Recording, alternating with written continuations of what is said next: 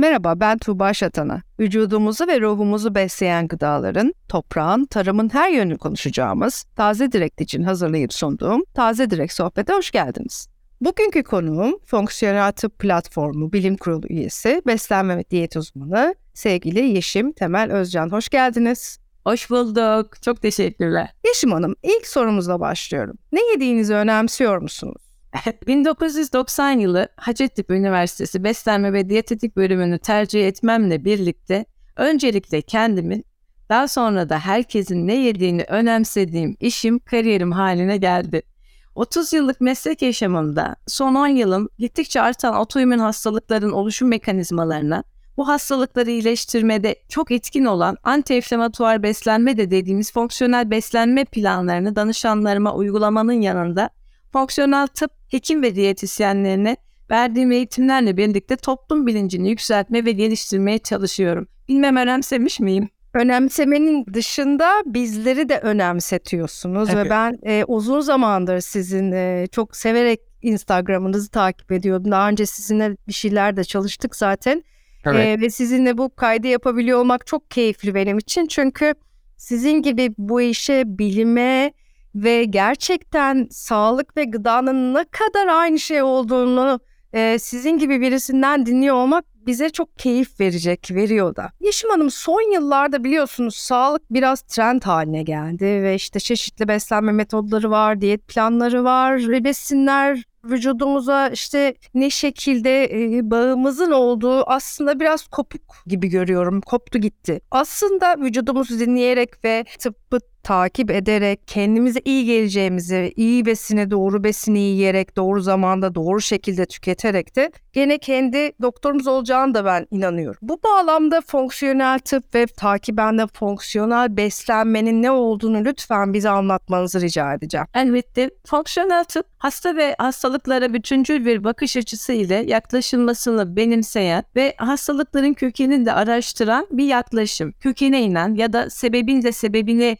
sorgulayan bir yaklaşım. Beslenme ise bu yaklaşımın en temel yöntemi. Epigenetik diye duymuşsunuzdur. Epigenetik değiştirilebilir çevresel faktörler dediğimiz durumlardır. Çevresel stres faktörleri, işte toksik yükler ve bunlarla birlikte beslenme ve beslenme bu çevresel faktörlerin en önemli unsuru. Fonksiyonel beslenme ise özünde hem bedene hem zihne iyi gelen temiz içerikli ve yüksek kaliteli gıdalar ile çeşitliliği bol ve renkli tabaklardan oluşan bağışıklık güçlendirici bir beslenme modeli Tuğba. Amacı vücudumuzun sahip olduğu sirkadyen ritme bağlı dengeyi korumak ve kişileri en iyi versiyonuna taşımak diye özetleyebilirim. Ritmi bir daha söyler misiniz? Ritim şöyle ki vücudumuzun bir yaşam döngüsü var. Evet. Her bir yolunda gitme hali dediğimiz metilasyon döngüsünden gece yatıp sabah kalktığımız ya hormonal döngü, sindirim sisteminin zaten sadece bu sirkadyen ritim döngüsüyle çalıştığını da biliyoruz. O anlamda tüm bu dengelerin bir arada çalışma halini destekleyen bir beslenme modeli. Sirkadyen ritim ise sindirim enzimlerinin gün batımı ile birlikte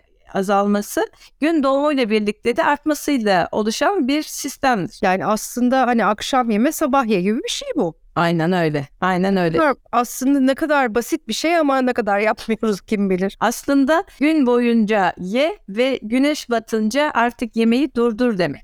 Peki nasıl hasta oluyoruz? Nasıl hasta oluyoruz? Ee, şöyle ki çok eski yıllardan beri e, insanlar besinler ve hastalıklar arasında bağ kurmaya çalışmışlardır. Geçmiş dönem ile kıyaslandığında modern yaşamın getirdiği hava kirliliği, e, yoğun ilaç kullanımı, çevresel toksinler, kronik stres, beslenme farklılıkları en temel değişiklikler biliyorsunuz. Hızlı bir yaşamın içerisinde doğal meyve ve sebzeler, otlayan, gezen hayvan etleri ve deniz ürünlerinden oluşan doğal beslenmeden sodyum oranı, doymuş yağ oranı yüksek, lif oranı düşük, işlenmiş gıdaların hayli sıklıkta olduğu beslenme düzenine geçişler meydana geldi. Modern hayat dediğimiz aslında durum bu. Atalarımızın beslenmesini modern hayatın insanıyla kıyasladığımızda ki ben bunları eğitimlerimde hastalığa yakalanma sebeplerimiz diye de anlatırım. Mesela omega 3 omega 6 dengesinin bozulması. Normalde 1 bölü 3 olduğu tahmin edilen bu dengenin bugünkü diyetlerde modern hayatın insanında 1 bölü 20'ye ulaşması.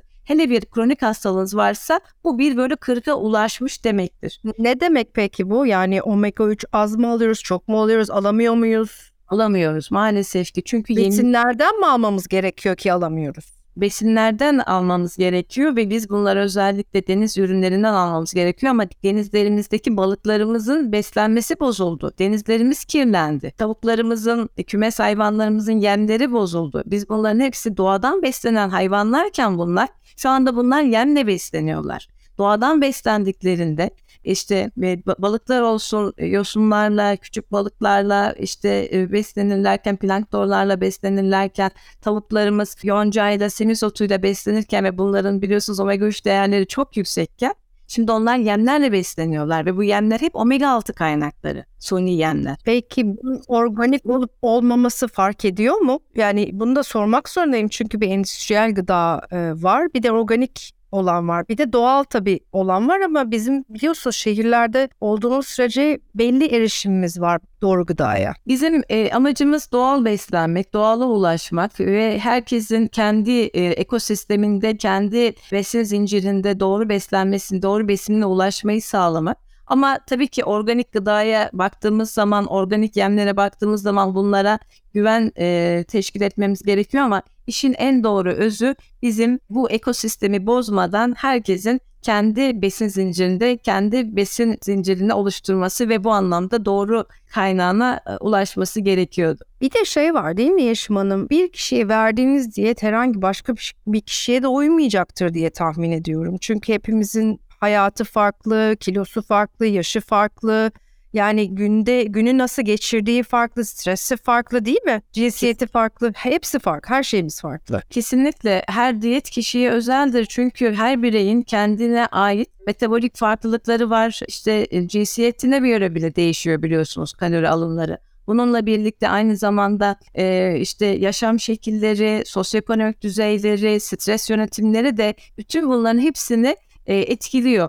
Bu açıdan sindirim sistemleri bile buna göre çok değişiyor biliyorsunuz. Evet. Bu dengeleri gene sıralamaya devam edersem eğer Protein alımı da atalarımızın bizimkinin iki katıydı ve çok kaliteli protein kullanıyorlardı. Vücut yağının düşük olduğu vahşi hayvan tüketimi mevcuttu. Av hayvanları kullanılıyordu biliyorsunuz. Evet, evet. Karbonhidrat alımı enerjinin %40 civarındaydı ve bu karbonhidratlar işlenmemişti. Yani doğadaki haliyle kullanılıyordu. Yabani yiyeceklerden oluşuyordu. E, rafine şeker ve işlenmiş tahıl tüketimi hemen hemen hiç yoktu. Ve bunların artışına bağlı olarak da e, bir de yönetilemeyen stresimiz de çok arttı biliyorsunuz. Dünyanın da ülkenin de her şeyin stresi çok fazla arttı ve bu artan stresle birlikte ne art ne azaldı? Mide asit eksikliği başladı. Mide asit yetersizlikleri var.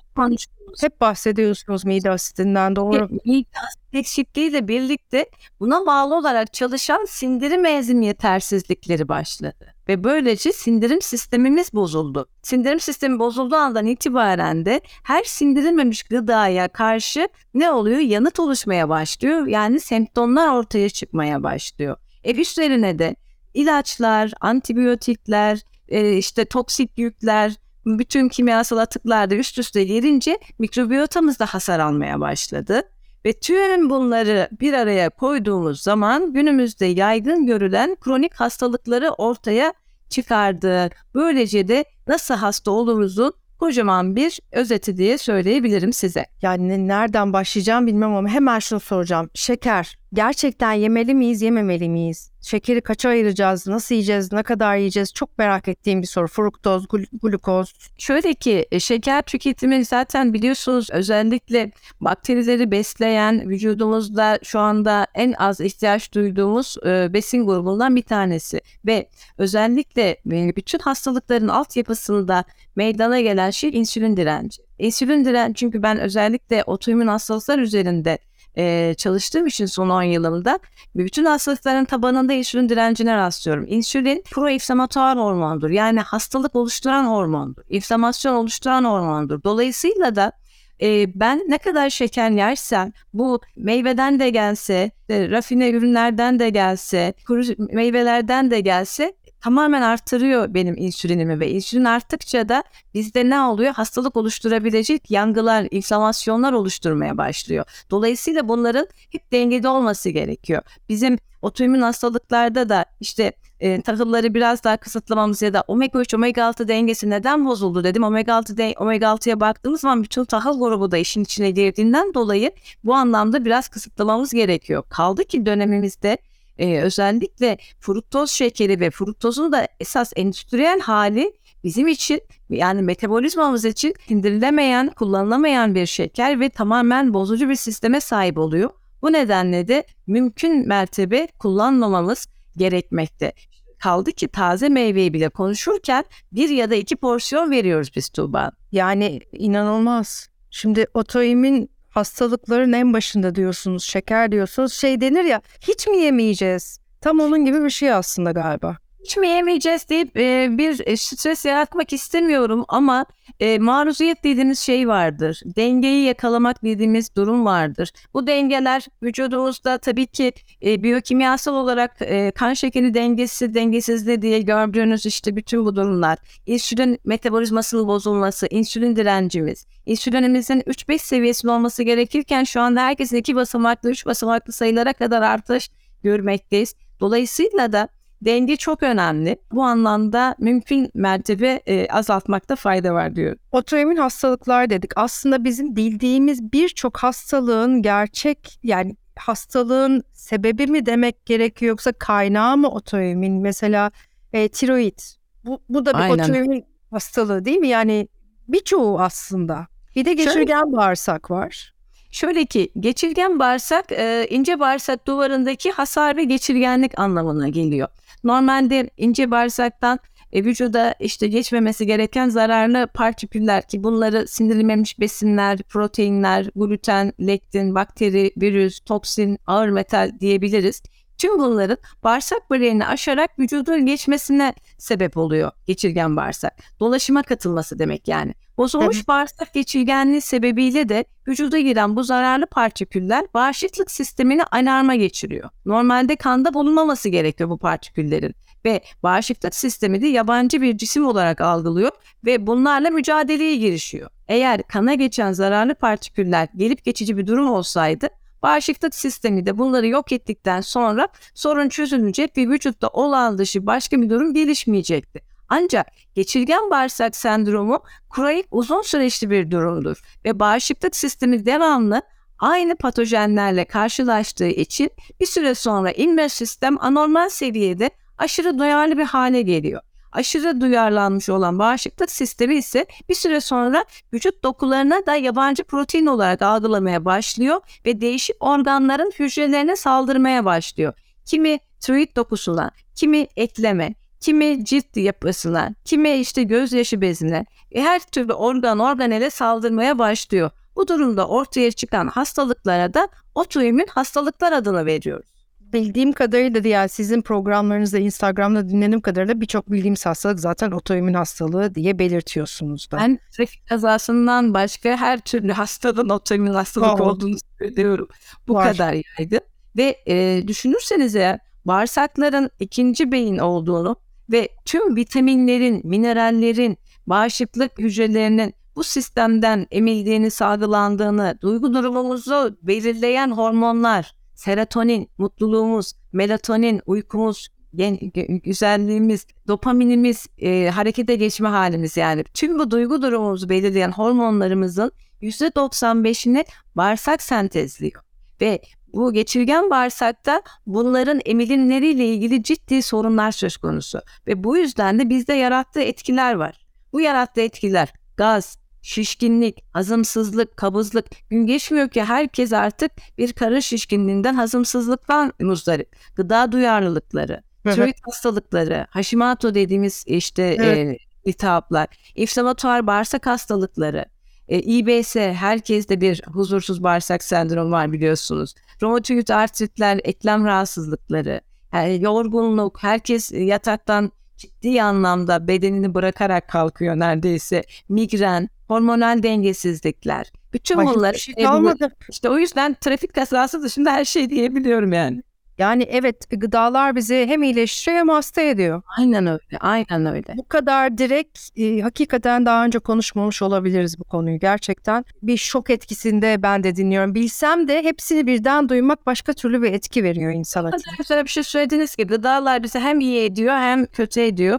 Ve biz Amerika'yı yeniden keşfetmedik. Biz milattan önce 450 yılında Hipokrat'ın o ne yersek o e, kadim sözcüleriyiz. Bağırsak hasta ise vücuda geri kalanı hastadır demiş. Ne yersek o yüz demiş. O nedenle bu anlamda biz eski bilgileri tekrar gün yüzüne çıkardık ve bunları yayan elçileriz diyebilirim size. Nefis söylediniz. Peki kısa kısa bir şeyler soracağım size. Doğru Buyurun. bilinen beslenme yanlışları. Gluten kötü mü bizim için? Şöyle ki günümüzde her şeyin genetiği değişti. En başta da buğdayın. Buğdayın hibrit yapısı 2N14'ten 2N48'e dönüştürüldü. Neden derseniz tabii ki nüfusun artışı, sanayileşme gibi faktörlerle beraber üretim artış hedefleri buğdayın genetik yapısını değiştirme sebebi yani iyi niyetle değiştirildi ama sindirilemeyen bir hale dönüştü. Zaten gluten sindirile, e, sindirimi zor bir proteindi çünkü kompleks protein ve bunun değiştirildiği andan itibaren daha e, esnek ve daha zor sindirilen bir hale geldi. Bu anlamda e, sindirimi zor olduğundan dolayı ve otoimmün hastalıklarda özellikle sindirim problemi çok ciddi anlamda görülüyor. Çünkü ilk gastrointestinal sistem bozuluyor ve beraberinde gluteni sindiren enzimimiz de yok, yetersiz. O nedenle gluteni sindiren enzimimiz de yok. Bu nedenle de sindirilemeyen besin yanıt oluşturuyor dedim. Bu anlamda da ilk yanıt yapan e, besin anlamına geldiği için ağrı yapıyor, gaz yapıyor, şişkinlik yapıyor, ödem yapıyor, iltihap yapıyor. Baş ağrısı yapıyor bende. Yapıyor. Bu anlamda da bu semptomları e, yönetmek adına biz kaldırıyoruz. E, geçici bir süre ne kaldırır? Çünkü çok fazla yedik. Tuğba Çok fazla yedik, çok fazla da yiyoruz. Bu açıdan da bunu azaltmamız gerekiyor. Çünkü ben eğitimlerimde diyorum ki evinizdeki pırasa pişirme sıklığınız, paza pişirme sıklığınız haftada iki. O da gerçekten e, şanslıysanız haftada iki. Ama gluteni yani tahılları biz ne yapıyoruz? Çok fazla tüketiyoruz. O nedenle de biz bunların miktarlarını haftada iki tüketseydik zaten bu kadar dokunmayacaktı. Biz gün içerisinde çok fazla yedik ve o anlamda da sindirimi zorladık. Ee, aslında her şey e, sanıyorum miktar, miktar, zaman, yaş, hayat sizin de biraz önce söylediğiniz şeyde yani bir çocuğun beslenmesiyle işte oğlumun gluten yemesiyle ya da ekmek yemesi benim aynı olmamalı tabii ki. Peki kuru ıı, kuru meyve değil de fındık fıstık sormak istiyorum size kuru yemişleri. Fındık fıstık bizim için e, sevdiğimiz bir grup. Çünkü yağlı tohumlar aynı zamanda özellikle fonksiyonel yağları içerdiği için bunların tüketimlerini çok önemsiyoruz. Özellikle de ceviz, badem, fındık grubu bizim için e, omega asitlerinden e, çok yararlı. E, bu yüzden de fonksiyonel yağlar bağırsak sağlığını korumada, geçirgen bağırsağın onarımında çok değerli. Bu anlamda kullanıyoruz. Fıstık grubu e, fasulye grubuna girdiği için bu kadar faydalı olamıyor. Onu daha az tüketmek durumundayız. E, otoimmün hastalığı olan kişilerde biz fıstığı da e, kaldırıyoruz çünkü. E, ceviz, badem, fındık grubu bu anlamda çok daha doğru. Fakat bunların da sindirimleri gerçekten zor olduğu için çok iyi çiğnemek gerekiyor. Bu buna dikkat etmemiz gerekiyor. Tabii ki her şeyi daha çiğnemek her, gerekiyor. Tabii ki biraz daha özelinde e, iyi çiğnemek lazım. Peki metabolizma hızlandıran yiyecek diye bir şey var mı yoksa şehir efsanesi? Metabolizma hızlandırmak aslında e, şöyle ki bir takım e, teknikler var metabolizma hızlandırmak için. Çünkü şöyle söyleyeyim, şöyle söyleyeyim ben size. E, kan şekeri dengesini sağladığımız andan itibaren e, kan şekeri dengesizliğini düzeltmemiz gerekiyor. Öncelikle metabolizmamı hızlandırmam için kan şekeri dengesizliğini düzeltmem gerekiyor. Düşük karbonhidratlı, yağdan zengin bir beslenme kan şekerindeki hızlı iniş çıkışları önler. Ve benim için metabolizmayı hızlandırmak için en önemli şey özellikle 13-16 saat arası aç kalmayı bilmemiz gerekiyor. Çünkü ne kadar sıklıkla yersek o kadar insülin salgılarız. Çünkü her yemek yediğinizde insülin salgılarsınız. Dolayısıyla da bu insülin bizi hasta ettiğinden dolayı vücudun biraz aç kalması gerekiyor. Intermittent fasting aralıklı oruç bu anlama geliyor gece e, geceden itibaren sabah açlığını da kapsayan toplam 13-16 saatlik bir zaman diliminde hiçbir şey yemezseniz vücudunuz dinlenecektir ve kendini iyileştirecektir. Dolayısıyla da buna dikkat etmek gerekiyor. Erken uyursak zaten bu fasting'i yakalamış oluyoruz. Çünkü geç oturanlar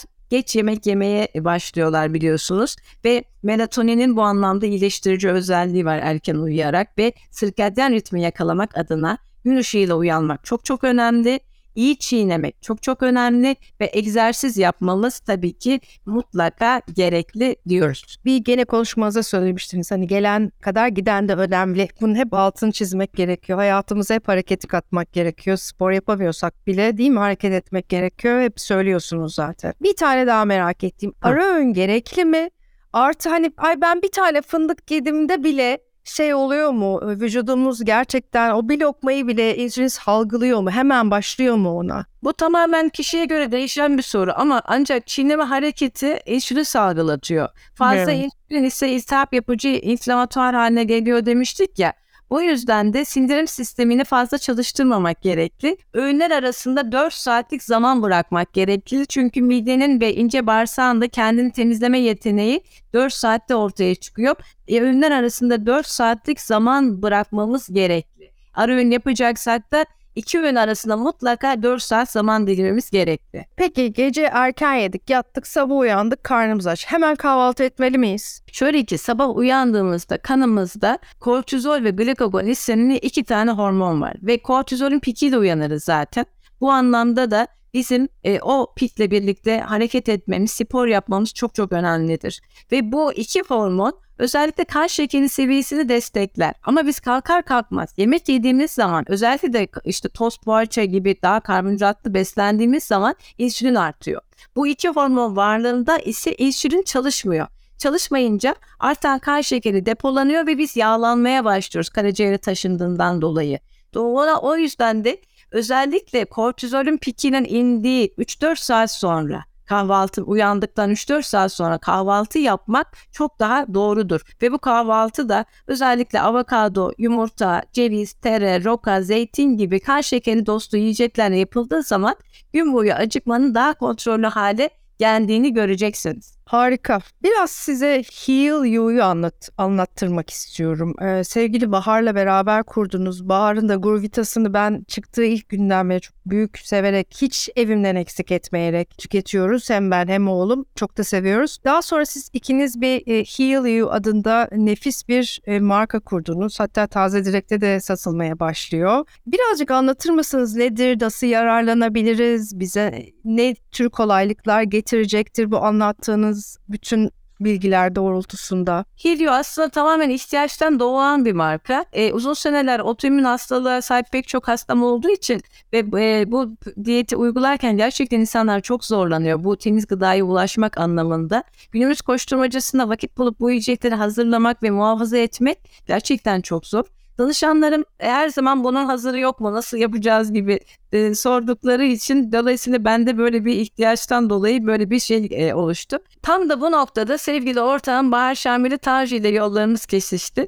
Danışan diyetisyen ilişkisi olarak başlayan dostluğumuz Gurvita'nın fonksiyonel ilikli kemik suları ile iyileşme hikayelerinden yola çıkarak sağlığı koruyan ve bağışıklığı destekleyen fonksiyonel ürünler geliştirme heyecanı güzel bir projeye dönüştü. Böylece Adı gibi amacı da şifalı Hilyu doğdu. Sağlıklı ve lezzetli gıdayı her yaştan bireyle buluşturmak en büyük hedefimiz oldu. Sağlıklı beslenme rutininde olması gereken özellikle prebiyotik sebzeler, renkli sebzelerin iyileştirme gücünden yola çıkarak da biz Hilyu olarak prebiyotik çorbalar, püreler, sağlıklı glutensiz unlardan oluşan atıştırmalıklar buna özellikle dikkat çekmek istiyorum kara buğday unu, badem unu gibi glisemik indeksi düşük e, unlardan faydalandık. Nişasta içermeyen unlar çok çok önemli. Çünkü glutensiz başlığı adı altında çok sağlıklı ürünler satıldığını bilmektesiniz. Sağlıklı tohumlarla, yemişlerle oluşan granulalarımız, ekmeklerimiz bunların hepsini Hilyu dünyasında oluşturduk.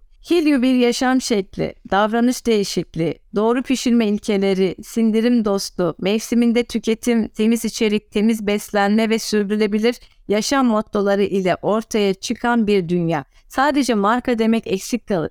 Bu dünya bütünüyle bağırsak mikrobiyotasını onaran, sindirim sistemini destekleyen ve aynı zamanda antioksidan ögelerden zengin, zengin ruh ve beden sağlığını destekleme yönelik bir sistemden kurulu. Bir sistemi sunuyoruz biz Hilyo olarak. Yeşim Hanım içim açıldı sizin bu sistemi anlatmanızla. Umuyorum herkes de bunun içindeki bilgelikten de faydalanır. Çünkü hem siz bütün deneyiminizi içine koyuyorsunuz hem de bulunabilecek en temiz, en e, vücudumuza iyi gelecek olan gıdalarla birleştirmişsiniz bunları. Çok teşekkür ediyorum e, katıldığınız için ve değerli bilgiler için. Ay ben teşekkür ederim. Vallahi çok güzel oldu. Sağ olun. Gezegenimiz. Kendiniz ve sevdikleriniz için ne yediğinizi önemseyin. Bir dahaki bölümde görüşmek üzere. Hoşçakalın.